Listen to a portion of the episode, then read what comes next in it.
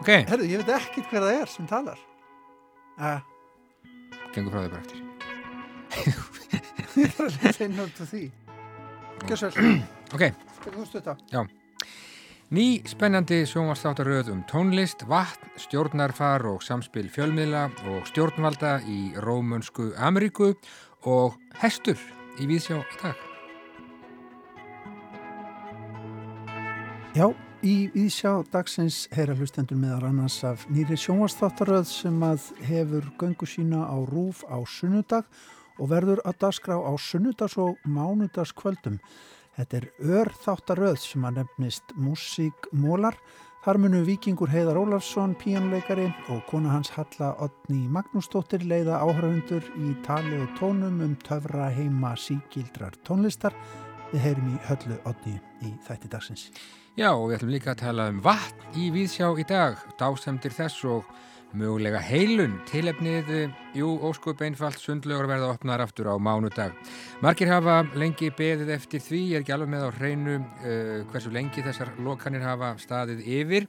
Tíminn hefur einhvern veginn farið algjörlega flota á þessum síðustu vikum, en víst er að mörgum er farin að leiðast beðin og það er frekar vægt til orða tekið. Við ætlum líka minnast á svona í leiðinu og í framhjáhaldi á vandræði í Paradís þar sem væntanleg hljómplata kemur við sögum og við heyrum lang, lang besta lagið í bænum í dag, meirum það síður. Það voru þín orð. En í Víðsjá í dag þá verða einnig revið upp uh, minningarbrót, já eða minning um hest. Við leituðum í Sabríkisútasins og það er Sigurdur Jónsson frá Brún sem segir okkur frá hestinum Þokka sem var vist mjög þokkafullur á sinni tíð. Já, hlýtur að vera merkilegur. Er nokkuð merkilegur. Já, og Herman Stefánsson reytuundur, hann ætlar að skoða í þættinum í dag tvær kvíkmyndir, brasilísku heimildamyndina Líðræðið Sundlar og mexikonsku kvíkmynduna Hið fullkomna einræði sem að syndir á Netflix, Herman ætlar að velta fyrir sér stjórnarfari í Rómunsku Ameríku fyrr og nú og samspili fjölmiðla og stjórnvalda í þeirri álfu. En við byrjum þáttinn einhvern veginn svona. Signý Sigmundsdóttir, Ósbakseyri, Strandasíslu, vil heyra hvæðið vatn eftir Norðal Grík. Þýðinguna gerði Magnús Áskersson. Erlingur Gíslason les. Veistu hvað ég þrái þó að það sé bara til að hlæja að og ég gæfi af æfiminni ár til þess að sjá og fá hvað mér að dreyma á daginn, hvað mér veldur vöku um nætur. Veistu hvað ég þrái þó að það sé bara til að hlæjað og ég gæf af æfi minni ár til þess að sjá og fá hvað mér að dreyma á daginn hvað mér veldur vökum nætur vatn í læk og á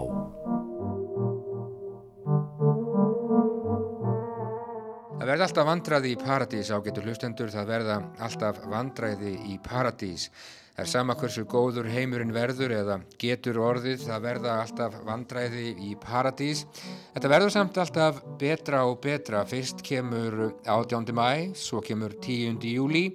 Það er ekki við mig að sakast, ég sem ekki almanak hins íslenska þjóðvinafélags, ég er í einhverju allt öðru. Þetta raðast einfallega svona upp og ég sætti mig við það meir en það, mér finnst þetta eiginlega algjörlega frábært.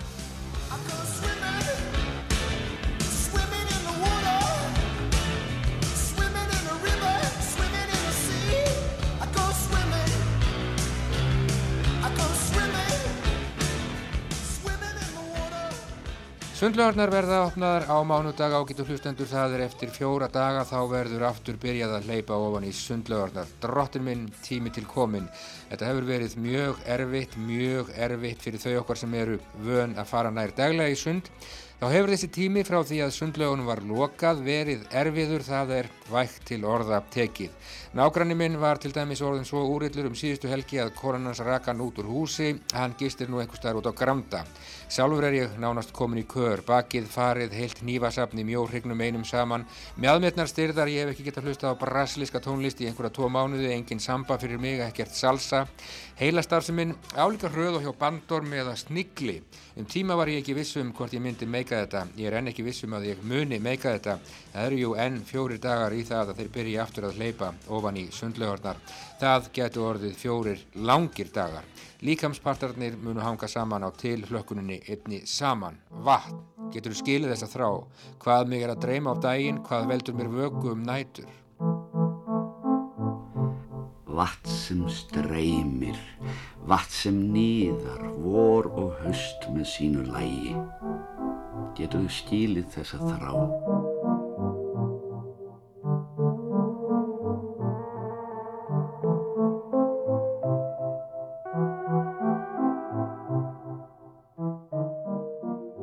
Svo var tíðin að vatn var talið allra meina bót og þá meina ég allra meina bót. Maður fekk um, ærandi höfuverk fór til læknis og lækninni sagði hans og hika farði í heit böð. Annar maður sagðist vera í þann vegin að missa sjónuna við hvaði hjá lækninum. Var það sama, stundaði böðin ég semti þig á hæli þar sem nóg er af laugum, farðu í vatn, kallt og heitt til skiptis. Sá þriðji, hvartaði undan minnisleysi, sama svar, vatn. En höfum við held ég tröllatrú á vatninu, kannski ekki eins mikla og segjum á 19. öld, en tröllatrú eigi að síður. Og nú stýttist í það vatnið, þetta vatn veldur mér þrá, þetta er mér oft að dreyma. Vatnið hreina, vatnið heima, vatn sem lagst er hjá og þambað, þetta vatn mér veldur þrá.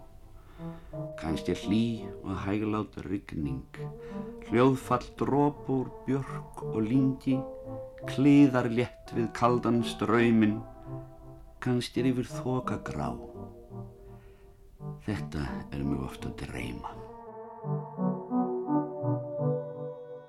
Já, ágættu hlustendur, exit, handþvottur, enter, alþvottur, ég er þegar farin að líða í huganum og líkt og í draumi um vatnið. Ég tek sundtökinn, hvert á fætur öðru og hvert og eitt einasta það verður eins og að hitta gamlan vinn. Fram og tilbaka, snemma morgun, síðdeis, nú eða kvöldlægi, ekki síst að kvöldlægi í endalausri byrtu sumars. Kanski er hlý og hæglátt rigning, kanski er yfir þoka grá, allt undir einni stjörnu er stöðugt ljómar. Potturinn býður, þar mun ég ræða um gagsleysi mannkynsins og sömuleiðist það hver marklaust lífið sé. Til ykkur unaður að tala um gagsleysi mannkynsins og það hver marklaust lífið sé. Svo bætast við setningar um hlaupi kverkfjöllum, vatnavexti á Suðurlandi, eitthvað um það hversu miklir dómadags afglapar íslenski stjórnmálamenn séu, um það hversu heitur maður geti í raun og veru orðið fyrir Eurovision. Ég er nú þegar farin að heyra sjálf á mig fara bókstallega á kostum, í vatni er sannleikurinn jú í kallfæri. Trega þrungnum aðskilnaði er nú senn lokið, við blasir unaður og mýkt. Á heimleið Alveg stöðugur í tíðinni, gluggar, galopnir upp á gátt í brakandi kvöldkyrðinni, allar krossgötur auðar, tandurreitt, unaður og mýgt. Þetta er mjög oft að dreyma.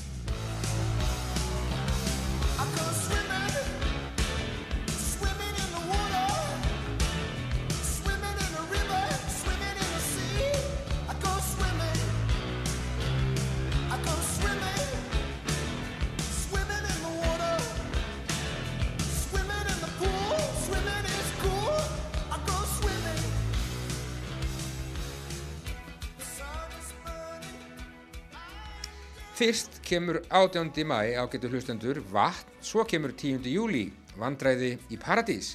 Það er ekki við mig að sagast, ég sem ekki almanakins íslenska þjóðvinnafélags, þetta raðast einfallega bara svona upp. Hvað mig er að dreyma á daginn, hvað mér veldur vöku um nætur, þetta er sem sé allt að koma, þetta verður alltaf betra og betra. Nú á að fara að hleypa og hann í laugarnar aftur, þá verður allt gott aftur, bakið, engin vandræði með bakið, ég verð liður aftur eins og köttur. Mjadmirnar salsaði upp á hvern einasta dag heilastar sem minn svo fjöru að ég hef ekki við að færa allar hugmyndirna til bókar, þetta geti ég að vel orðið of mikið. Og þann 10. júli, bam, þá kemur ný plata, getum að beðið um meir. Nei annars, Eiríkur haltu þig á jörðinni, hold your horses, stiltu þig gæðingur, þetta er ekki svona gott, þetta er ekki svona gaman. Aldrei gengi ég fornum draumi á hönd, aldrei verði ég annað sinni barn og svo framvegis. Þetta er ekki búið og það er sama hversu heimurinn verður eða getur orðið góður. Það verða alltaf vandræði í paradís, þannig er einfallega okkar mennska hlutskipti. En vatn Veistu hvað ég þrái? Þó að það sé bara til að hlæja af og ég gæfi af æfiminni ár til þess að sjá og fá. Hvað mig er að dreyma á daginn, hvað mér veldur vökum nætur. Ég veit ekki með ykkur ágætu hlustendur en á mánudag fer ég beinustileið í sund. Þanga til ætla ég að hlusta á langbæsta lægið í bænum í dag aftur og aftur. I was going round from the town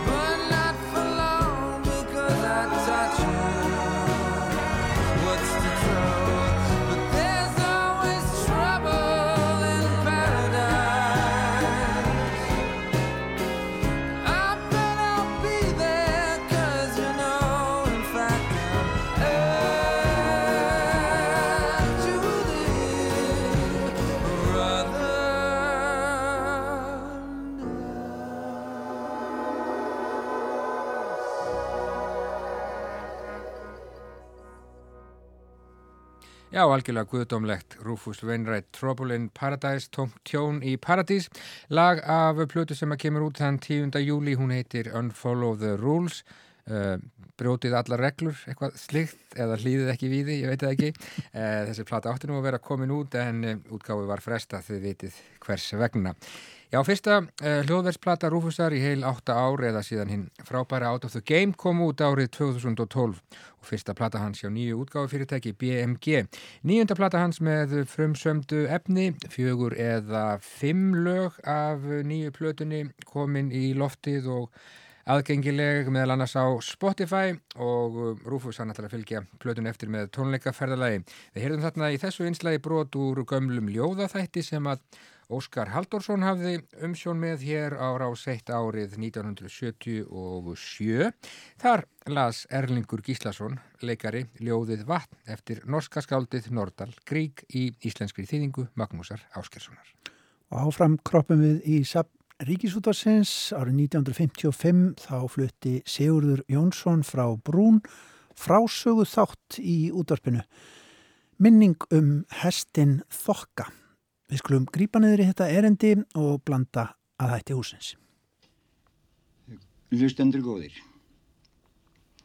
Það er um, að kalla hálraraldar minning gamals hest sem ég hugstaði mér að flytja.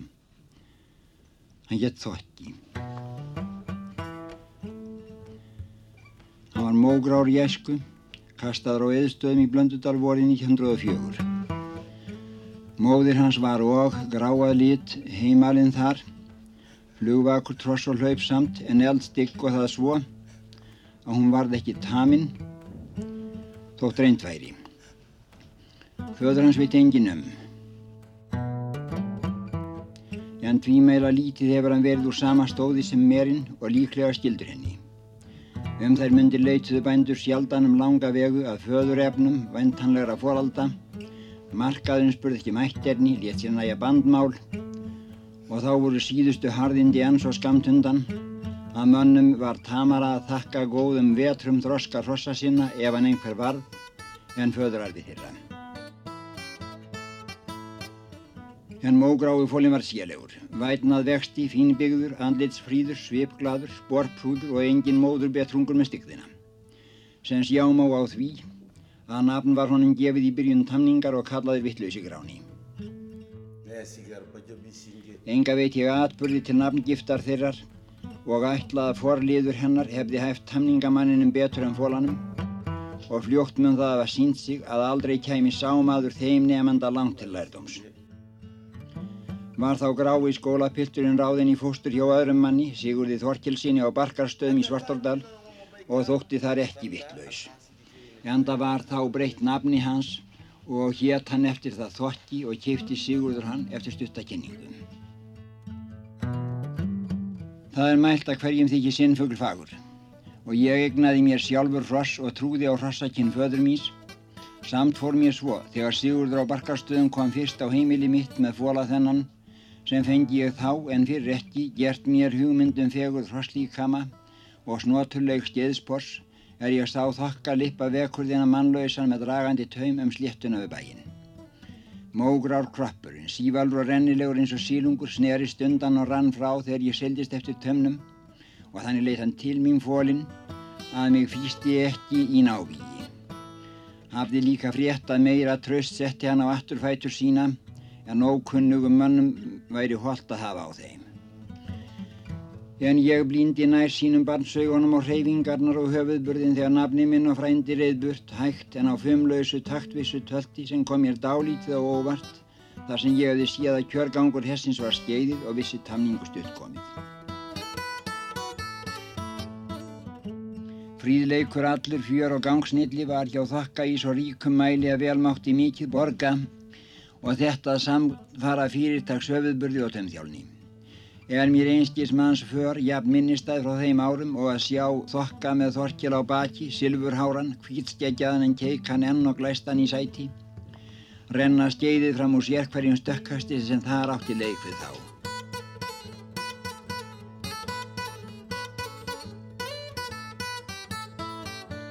En hversu vel sem þeir somdur sér saman þorkil og þokki, dróð þó að því að hann fargaði hestinum. Einhendum manni, gömlum og hörnandi eins og hann var, þótti esturinn óþálega gemsmíkill, svo hann seldi hann ungum manni norður og söðarblók. Víst er að þokki var þar ekki gamall í görðum og sumarinn 1917 buðust mér þau vildist kjör að fá hann, keipt hann, þá kominn norður á Akureyri og lend hann til þriðja eiganda eftir Þorkil.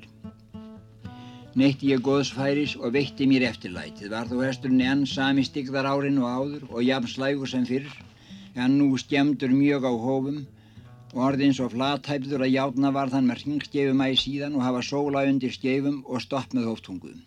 Með þeim umbúningi helst að nóg haldur og var mér svo mikið indi að ég vissi ekki áður að slíkt gæti hestur manni orðið.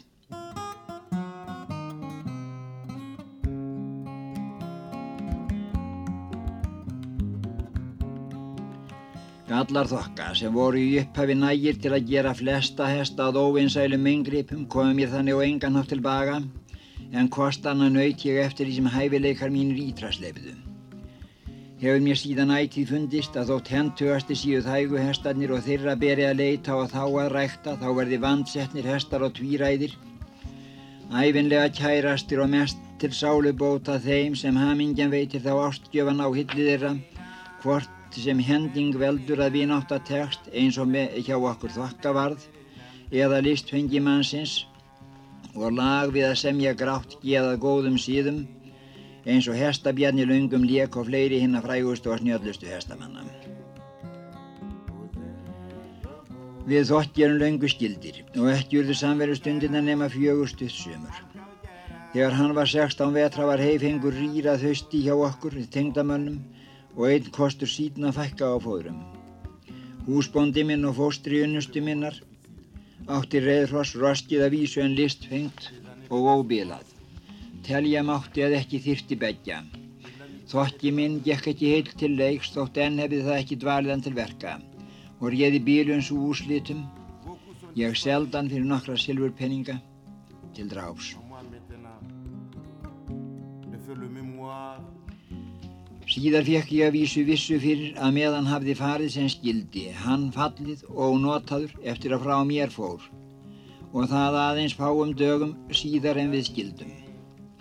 Samt er mig enn, eftir full 30 ár, stundum að dreyma ég rekst á hann lúin, svangan og óræstilegan og oftast haldan. Er það trú mín að ekki myndi mig svo dreyma, hefði ég fyllt honum eftir að banadægri og séð verkið unnið vel og hreinlega. Þakk þeim sem hlýttu.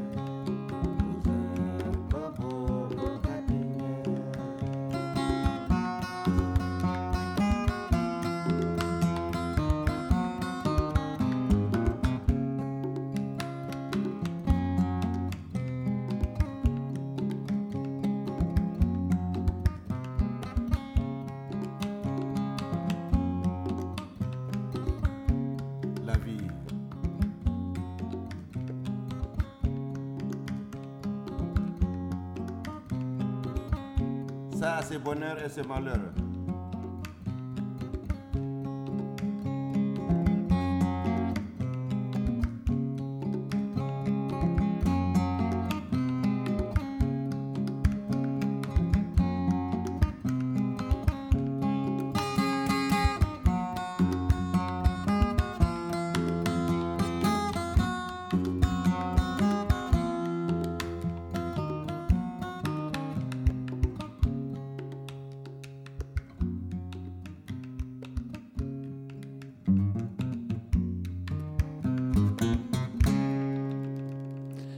Sigurður Jónsson frá Brún og Ali Farkatúre þarna í einni sæng. Þetta var frásúðu þáttur Sigurðar um hestin Þokka sem var á dagskrá Ríkisútasins árið 1955 glefsur úr þeim minningum. Já, það má lengi tala um einn góðan hest en hérðan frá Íslandi þá höldum við allarleiði til Rómönsku Amríku. Næstur á mælindaskrá hér í Vísjá á 50 degi er Herman Stefánsson, reytufundur.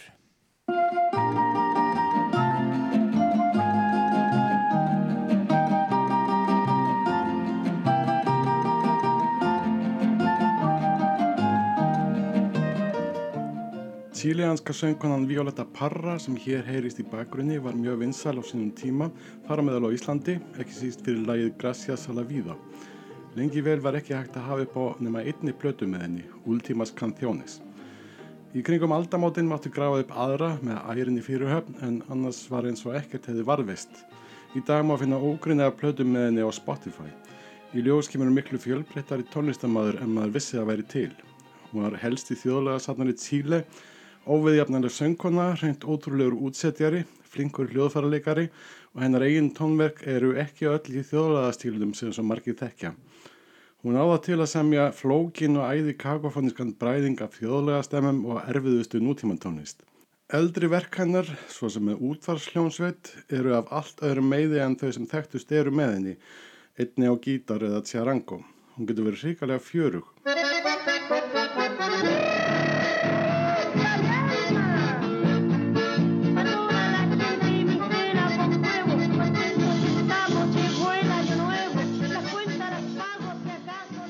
En kannski verður hann alltaf þekktust sem aktivisti, sem mótmálarsöngvari, fyrir flugbeitta og rífandi beiska ádeli og harðstjórn og kúun. Það má velta fyrir sér hvað hafi orðið að mótmálarsöngvarum Rómansku Ameríku, hvort samfélagun hafi flekt svo mjög fram og orðið svo líðræðislega að þeirra sé ekki lengur þörf. Í álfunni skiptust löngum á herfóringastjórnir, einræði og pólitíska stjórnir og engu skipti hvort þær eru til hægri eða vinstri, af og til sprettur upp líðræðisvon og stundum lifur húnum hríð en yðurlega er hún kæfð í fæðingu. Þó er ekki alltaf auðvelt að átta sig á hvað er hvað og hvort er skarra. Þegar peronismin veki í Argentínu árið 1976 kættust ímsir og fögnuðu. Peronismin sem var hvorki til hægri nýja vinstri og er næsta óskiljanlegur með öllu sínu skrumi og persónadýrkun vek reyndar fyrir herfóringastjórn en svo gat bara valla veri verri, hugsaði fólk. Svo fóru listamenn að taka eftir því að þeir kollegana sem áður voru sviftir tekjum auðlökum af stjórnvöldum höfðu tilhengu til að hverfa undir stjórn einræðisherran Jorge Rafael Videla. Einhver svæstnasti einræðisherra þeirra allra var Rafael Leonidas Trujillo í Dominíska líðveldinu. Fjöldamorð, ofsóknir, pólitískar fangelsanir og pyntingar Stundum getur verið réttlætanlegt að myrða einhvern úr launsátri en þau örðu einmitt örlög Trujillo árið 1961. Mario Vargas Llosa skrifaði um einræðisherrans skálsöguna La Fiesta del Chivo og þegar við allan óhugnað stjórnar hans bætast nöðganir, badnaníð og sifjaspell er valla hægt að hugsa sér ógeðfeldari personu en Trujillo. Í dag eru aðri tímar og upplýsingavætari. Dæmigerðu Suður-Amerikur stjórnmálumáður Mauricio Macri fyrirverandi fósættisráðra Argentínu dilst ekki nýja klæðist ábúð í nútíma upplýsingaflæði og maður færi að veita í fjölmiðlum að í brúðköpi sinni bá hans hér í gerfi Freddie Mercury dró andan djúft til að taka áhrifamekla strófu eftir Queen fyrir brúðina og var þá fyrir því ólani að gleipa gerfiskekki sitt. Yfirskekkið satt fast í hálsunum á hannum, hann hegi í golfið og var verið dauðan styr þegar helbreyðisaröðan kom honum til aðstofar en læknisráðið var að gleipa skekkið af Freddy og skóla niður með vasklasi. Macri söng ekki meir. Hann er með skári stjórnmálamannum Argentínu, bara grunnaður um aðild að einu mannskvarfi, auk þess að hafa að sjálfsögðu verið í Panamaskjólunum og var líðræðislega kjörinn.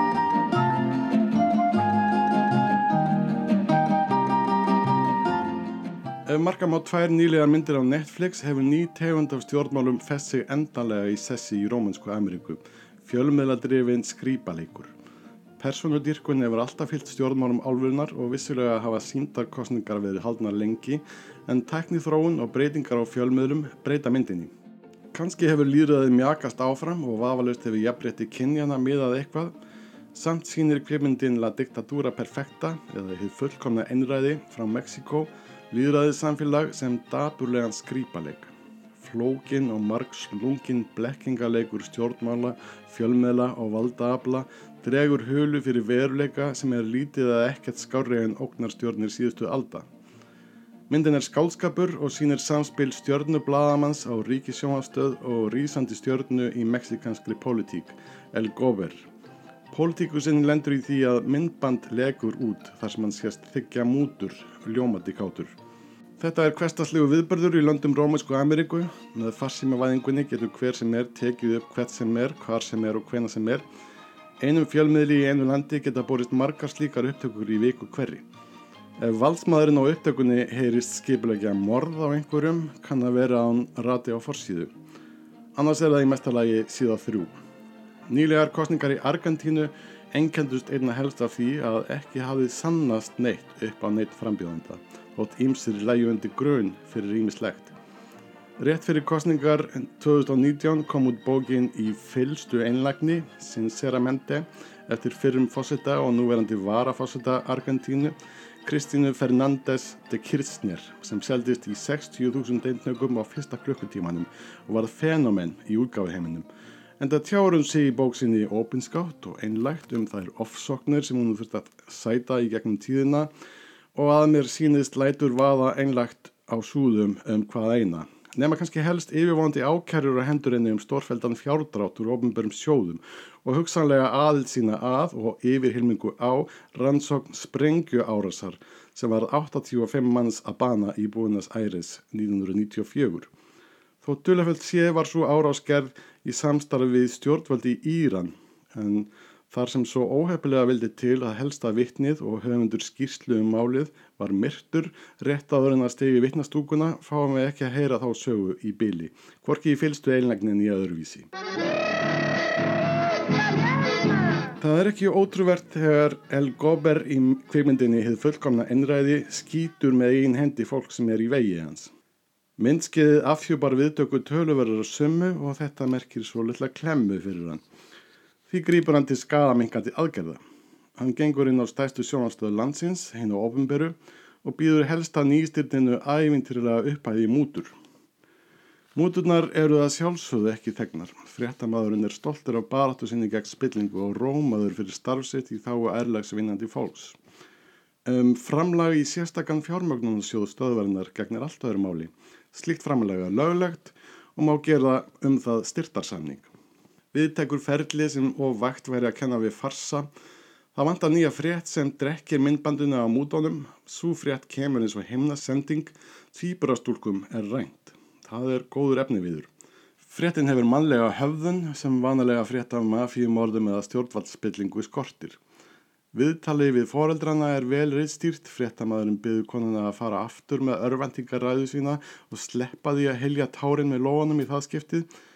Sjónvarstöðun er með nákvæmar áhorsmælingar og fréttamaðurinn aðtugar þær reglulega, mænir reyndar á þeir eins og dáleitur á sama tíma og mælingar á öðrum gildum, svo sem sannleika heilindum verða blendnari.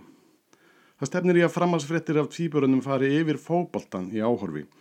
Hjónin eru handtekinn vegna grunns um barsmorð, þeim er sleft aftur, þeir skrifa undir samning svo stöðin hafi nú enga rétt á frettinni. Stöðin hefur laurugluna í vasanum og rannsakar sjálf málið og býr það að meira eða minna leiti til. Loks best krafa um lausnagjald, þetta er orðið betra en Suður-Amerík sápuopera telenovela með tilherandi tilfinningaklámi og þetta er ekki beinleinis falskar fréttir, það er fjallajúum veruleikan, þótt reyndar sé hægt að koma því í kring að teimur stúlkum sé rænt ef maður er ekki svo heppin að fá slíkt upp í hendurnar. Stjórnmálumæðurinn spilti, El Gober, er með reglulega innskott í fréttirnar og leggur allt í sölurnar til að finna stúlkurnar. Keppinautur hans, sósialisti með Jésu-komplex, reynir að fá í gegn fréttur um spillingu og grýpur til örþrifa ráða, kemst í sjónasal, er óðar spurður um sambandsitt við barn unga stúlku og skiptir í viðtal við hana þar sem hún situr í húsagarði í fátakarkverfi sem reyndar er sviðsmynd í öðru stúdiói og greinir grátandi frá ósæmilegri hegðun sósialistans. Í svo kínísku andrúslofti er ljóst að það má líka kaupa sér tannig viðtal. Í Mexiko eru ungir drengir ráðnir sem leiðumólingar vegna þess að þeir komast inn í mafíukverfi óséðir sögum aldurs.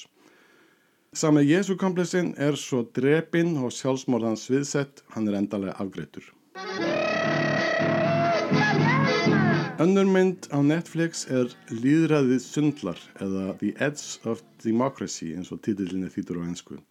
Þetta er persónalega heimildamind frá Brasilíu Höfundur hennar heitir Petra Costa og hún segir sjálf frá í eigin mynd. Myndin lýsir aðdraganda þess að Bolsonaro komst til valda í Brasilíu þótt lít sé fjallaðum fórsetan. Hvað sem fólki finnst um Bolsonaro má þó treysta því að hann sé líðræðislega kjörin, ekki satt? Tja, einn mest áberandi karakterinn í aðdraganda kjörs Bolsonaro heitir Sergio Moro og er stjörnulöfræðingur. Hann varð viðfrægur vegna stærstu spillingarrannsóknar í sögu Brasilíu, rannsóknar peningaþvætti, spillingu embætismanna sem draga sér fjö úr ofinbyrjum sjóðum og tengslum þeirra við stórfyrirtæki og öðumenn. Sergio Moro var náðast þjóðhetja. Meðal þeirra sem Moro rannsakaði var verkaliðsleitókin og stjórnmálamadurinn Lula, fyrirverandi fósetti Brasilíu og samverkakona hans, fyrsti kvennfósetti Brasilíu, Dilma Rousseff. Lula var dæmdur í 12 ára fangilsi en Dilma Rousseff látin vikja úr embætti fósetta fyrir afglöp í starfi. Loksins árangur í baratunni gegn spillingu. Dómarinn í málinu var staðfastur og hann var hverkið þokað en það vildi svo til að hann var sami maðurinn og sá um rannsóknina og ákjæruna, Sergio Moro. Nei, það stendst engin viðmiðin eins réttarkerfis en þannig var það. Að því loknu komu kostningar og það fyrsta sem gerist eftir þær var að Moro var gerður að ráðherra í stjórn Bolsonaro.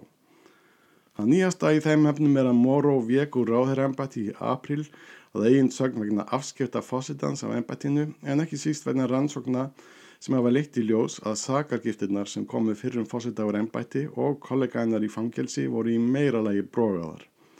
Það er helst að sjá sem Lula hafi fæðið í fangelsi fyrir að eiga íbúð og Dilma Rousseff vikið fyrir ekki neitt. Það er helst að sjá sem líðræðið sé skrýpaleikur. Þetta eru þrælgóðar myndir og ég mæl með þeim. Það er erfitt að sjá annað en að söngur Víalötu Parra eigi enn best við í allir sinni nýfbeittu einlægni. Ég syng fyrir sílibúan ef ég hef eitthvað að segja og ég dreg ekki fram gítarin til að verða mér út um lofatak. Ég syng um mönin sem er á því rétta og hennu falska. Yo canto a la chillaneja si tengo que decir algo y no tomo la guitarra por conseguir un aplauso. Yo canto la diferencia que hay de lo cierto a lo falso, de lo contrario no canto. Les voy a hablar enseguida de un caso Atención el auditorio que va a tragarse el purgante. Ahora que celebramos el 18 más galante, la bandera es un calmante. Yo paso el mes de septiembre con el corazón crecido, de pena y de sentimiento, del ver mi pueblo afligido. El pueblo amando la patria y tan mal correspondido, el emblema por testigo. En comandos importantes juramento a la bandera. Sus palabras me repican, de tricolor las cadenas, con algo así les armado en plaza y en alameda y al frente de las iglesias. Los ángeles de la guarda vinieron de otro planeta, porque su mirada turbia, su sangre de mala fiesta, profanos suenan tambores, clarines y bayonetas, dolorosa la retreta. Afirmo, señor ministro, que se murió la verdad. Día se jura en falso, por puro gusto no más. Engañan al inocente sin ni una necesidad. Y arriba la libertad. Ahí pasa el señor vicario con su palabra bendita. Podría su santidad oírme una palabrita. Los niños andan con hambre, les dan una medallita o bien una banderita. Por eso su señoría dice el sabio Salomón. Hay descontento en el cielo, en Chuquilla, en Concepción. Ya no florece el copihue y no canta el picaflor. Violetta Parra og eh, sjónvasefni af Netflix, þetta blandaðist saman þarna og eftir frásögn Herman Stefánssonar þarna á líðræði eða skortalíðræði eiginlega í Rómunsku Ameríku. Já, og við heyrum aftur í Hermanni hér í Víðsjá í næstu viku. En eh, þá að nýjum sjónvarsþáttungunni. Já, Þeir snúast um klassiska tónlist og um píjánuleik, eh, tólkun og annað slíkt. Það eru Halla Otni Magnúsdóttir og Víkingur Heiðar Ólafsson sem að hafa umsján með þáttum sem heita Músikmólar. Við tókum upp síman, ringdum í höllu og forvitnaðust um þættina Músikmóla.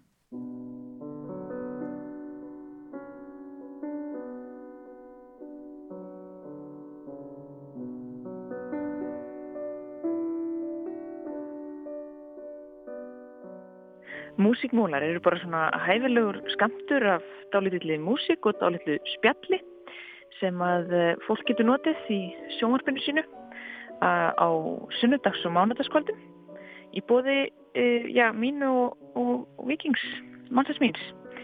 Við hérna, fengum þetta frábæra tækifæri að upp svona viðtla músikmólaði sem við stöndum bara við hljóðfærið í Eldborg í Hörpu og hérna ræðum músik og svo spilar vikingur tóndæmi og flytur í hverjum þætti eitt verk eða eitt kabla e, sem við erum þá búin að vera að spjalla eins um og þetta er bara örstuðt e, ekkert mikið lengri en tíu minútur sund stittra og hérna þannig er nú það Sko, Eldborg er náttúrulega búin að standa auð nema að því leiti að það hefur jú verið bóðið upp á alls konar streymi og, og tónlist í gegnum netið þann auðvitað salurinn tómur hvernig er að vera á sviðinu að ræða tónlist í þessum stóra sal?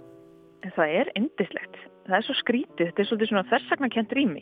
Ég hef reyndar upplegað það líka á kammertónleikum í Eldborg eins og hún er stór og glæsileg og mikil þá getur hún verið rosalega svona intím og, og notaleg og þetta er alveg þannig og, og það er svolítið gaman einmitt það sem hefur verið gert oft í þessum útsendingum úr Eldborg núna í, kófinu að, að öllu snúið við sko og, og hérna myndaverunum er stilt upp aftast á sviðinu og út í tóman mikilfenglegan rauðan salin það sjónarhótt sem að tónleikagestir hafa venjulega eh, er ekki eh, í forgrunni heldur einmitt, einmitt hefur gagstæða sko. Og þannig, þannig við þetta líka og við nöndum þarna alveg frábærar handleiðslu mikil fagmanna á öllum postum Egil Edvarsson var að pródúsera þetta með okkur og frábæri tökumenn og hljóðmenn og ljósamenn og, og allt saman. Þannig að hérna rýmið einhvern veginn, já það er svo enginlegt að mann er líður eins og maður sé heim í stofu með hérna góðum kunningum en er samt einhvern veginn hérna í öllu þessu rými. Það er eiginlega bara, já eina sem að einhvern veginn kemur í gegn sem er svolítið skemmtilegt er að hljómurinn er, er náttúrulega stór og hérna mikill, maður finnur fyrir rýminu þannig sem er bara gaman og kemur sér vel fyrir þessa músík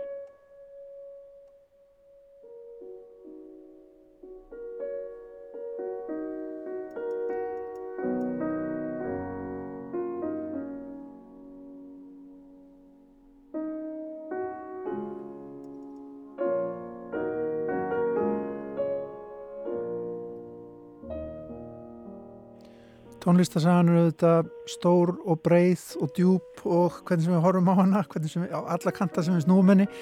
Eh, hvað veljið þið sem músikmúla?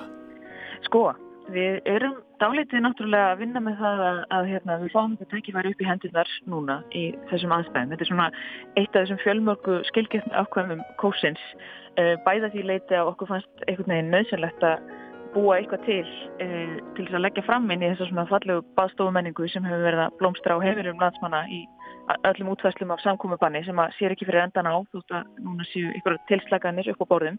E, og svo líka auðvitað skapast tækifæri þannig að vikingur sem að er alla jafna á ferð um allan heim e, mest kosti hálft árið.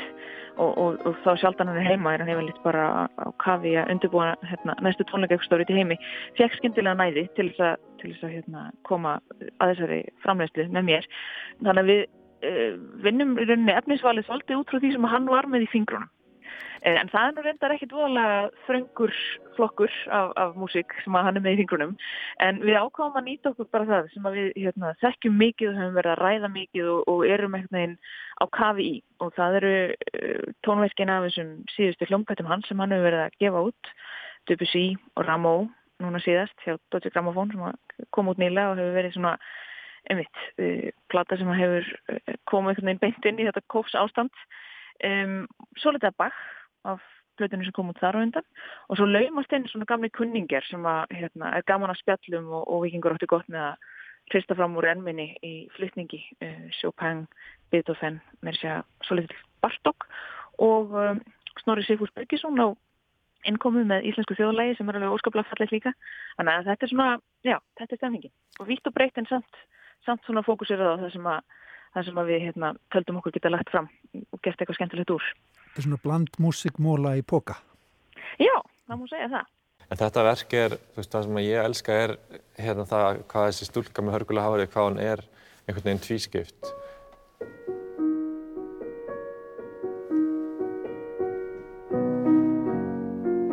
Hérna erum við komin aftur heim í einhvern svona vestrænt, vennilegt, klassíst svona tónlistarsamhengi.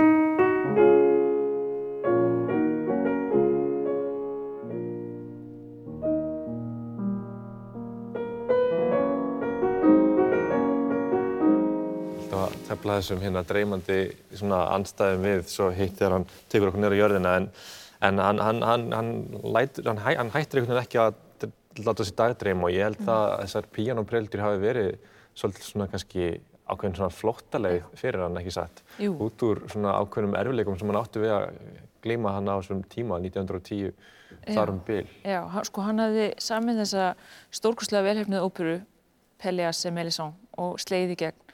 Og hann var eiginlega allt lífið eftir það að reyna að endurtaka það að öðlast e, bara fræða aftur á óperusviðinu. Ykkur hlutu vegna þá voru óperan þetta flókna, rosalega margbrotna listform sem að menn, menn keftust svo við að sanna sig í. E, og hann ætlaði að semja til dæmis eina óperu eftir sögu eftir Edgar Allan Poe The Fall of the House of Usher. Um, og hann hefði kynst Edgar Allan Poe, það er svolítið merkilegt, uh, þessu bandaríska skáldi í gegnum þýðingar Baudelaire á þessum tíma í París. Mm. og, og þessi ópera var honum vaksinn algjörlega yfir höfuð og hann eiginlega bara gafst upp og bara lokaði sig af með sínum svona heima hljóðfæri og bara einhvern veginn leiði músikinn að koma náttúrulega. Og það er eitthvað svoleiðis í þessu líka, þetta er svo, þetta er svo náttúrulegt, þetta er bara sprettur úr fingrun. maður finnur það þegar maður spilar þetta að þetta er einhvern veginn svona að píanisti sem hefur, hefur skrifað þessa músík. Og þetta er hans hljóðfæri og sagan segir að hann hafi skrifað þessa preludi og fleiri bara á bara einum degi hvert verk. Það er bara sett niður og bara skrifa að þetta var bara komið til hans náttúrulega og mjög sem maður svolítið finna það. Það er ekki mikil fyrirstaða, engin áreysla í þessu verki. Sko, þú nefnir það, þið eru þetta sitið og eru þau undirbúa eða hann að undirbúa náttúrulega sína tónleika og upptökur uh, og, og þar fram til göttunum og plana áframhaldandi spilir í og þið ræðið músikinu ykkar á milli. Hvernig er það síðan að, já, fá allt einu myndavel hérna, þeir náttúrulega gerðu út út úr stættina á sínum tíma en er þetta, er þetta svona í þeim anda?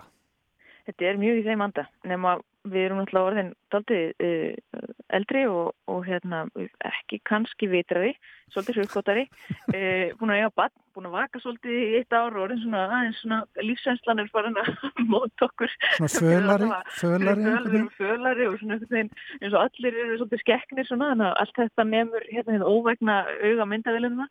Uh, við erum vonandi orðin aðeins svona hérna samt sko sjóari í þessu en við vorum þá og þetta er í þeim anda en þetta eru eins og bara sko spjallbútarnir, þetta er bara stutt og, og snart.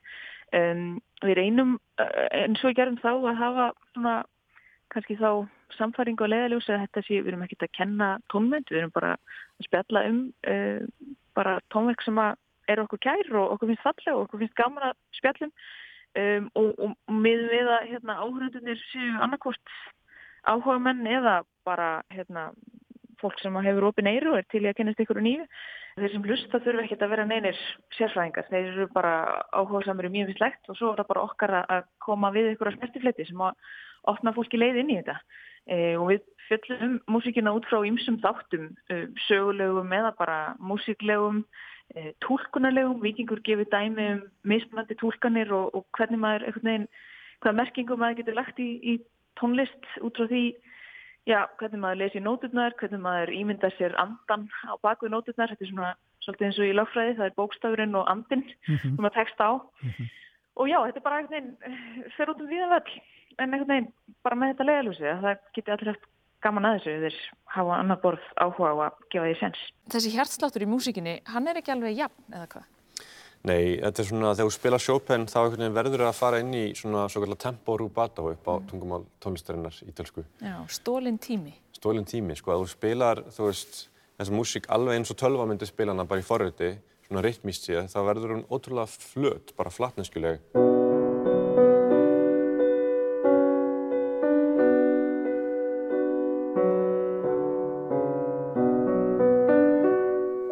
Öll nótnagildin eru nákvæmlega eins og þau eru skrifið. Þú getur ekki nóterað músík, þú getur ekki skrifað það niður nema bara að einhverju svona, þú getur bara að gefa hugmyndum hana. Mm. En svo er eitthvað svona lífin í músíkinni sem er, fer langt út fyrir það sem hægt er að koma fyrir á prenti. Mm.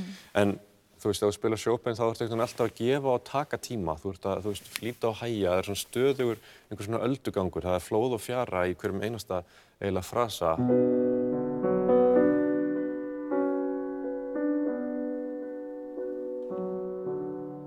En þetta er í rauninni ekki stólinn tími, heldur bara tími sem er fenginn að láni og skilað aftur. Algjörlega, ég meina þú... Þú ferð áfram en þá einhvern veginn dveluru síðar í frasunum og sko endanum kemur í samastað niður með stóru einingarnar. Þú veist, þetta er einhvern veginn galdurinn á allri romantískri tónlist og sérstaklega Chopin.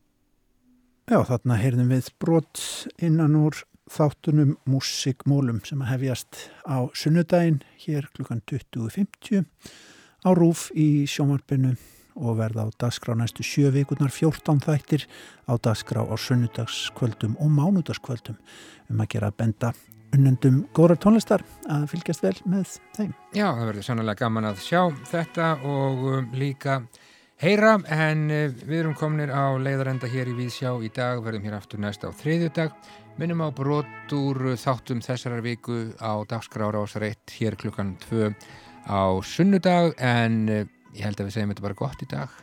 Sáttur þið það? Já, heldur betur. Takk fyrir samveldina. Verið sæl.